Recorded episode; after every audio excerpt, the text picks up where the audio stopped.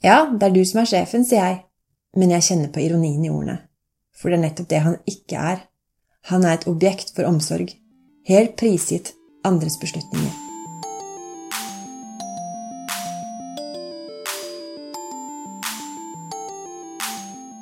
Hei og velkommen til Sykepleiens podkast. Denne gangen gir vi ordet til Liv Bjørnhaug Johansen, som er sykepleier, kulturhistoriker og redaktør for Sykepleiens spesialutgaver. Hun leser her sin faste spalte Liv laga, som denne gangen har tittelen Nei takk. Pasienten nærmer seg utskrivningsklar. Litt ustø er han jo, og kanskje ikke helt i stand til å ordne seg mat, komme seg på do og alt det vi kaller ADL, Activities of Daily Life. Kommunen lurer på statusen og planlegger hjem med hjemmesykepleie. Legen rynker på nesa. Fysioterapeuten skulle gjerne sett at han fikk litt mer gåtrening. Så ringer pårørende. Dere vil vel ikke sende han hjem? Så følger en begredelig beskrivelse av en gammel mann som tilbringer hele dagen alene i stolen, om leiligheten som ikke ser ut, kaffekopper som går i gulvet og knuser og blir liggende fordi han ikke makter å plukke dem opp. Om hjemmesykepleien som freser inn, følger han på do og gir han noen brødskiver og forsvinner igjen.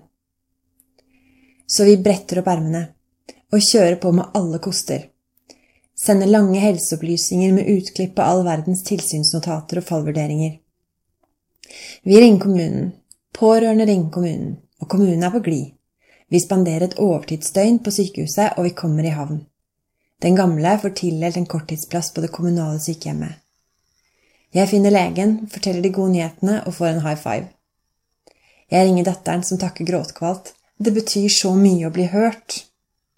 Inne hos pasienten setter jeg meg på stolen foran han og roper mot hans beste øre. Nå har vi skaffet deg en korttidsopphold på sykehjemmet! Du kan reise allerede i dag! På tredje forsøk er jeg sikker på at han har forstått budskapet. Han lener seg tilbake vender blikket mot vinduet, kremter litt og sier nei takk. Og etter en lang pause jeg skal hjem, jeg. Jeg innser det med det samme. I all vår iver og tidsnød har vi glemt å spørre ham hva han faktisk vil. Hva er viktig for deg, har helseministeren oppfordret oss til å begynne å spørre om men i virvelen av raske, taleføre og handlekraftige er hans stemme for langsom til å bli hørt. For tungør til å bli informert. For syk til å vite sitt eget beste. For gammel til å skulle ha noen mening om livet sitt. Han har det fint i stolen. Han har tingene sine rundt seg. Hjemmesykepleien kommer støtt og stadig. Han har trygghetsalarmen om det skulle skje noe. Om datteren hans syns det er lurvete, så får hun komme og rydde sjøl. Ferdig snakka. Ja, det er du som er sjefen, sier jeg, men jeg kjenner på ironien i ordene, for det er nettopp det han ikke er. Han er et objekt for omsorg, helt prisgitt andres beslutninger. Simone de Beauvoir bruker over 700 sider i sin bok Alderdommen på å vise hvordan eldre systematisk gjennom menneskehetens historie har blitt marginalisert og fratatt innflytelse over samfunn og eget liv.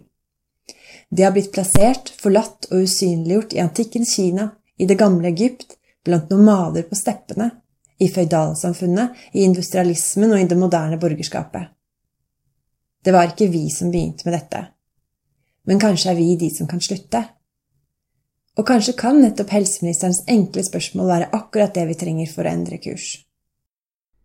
Det var Liv Bjørnhaug Johansen med sin faste spalte Liv laga.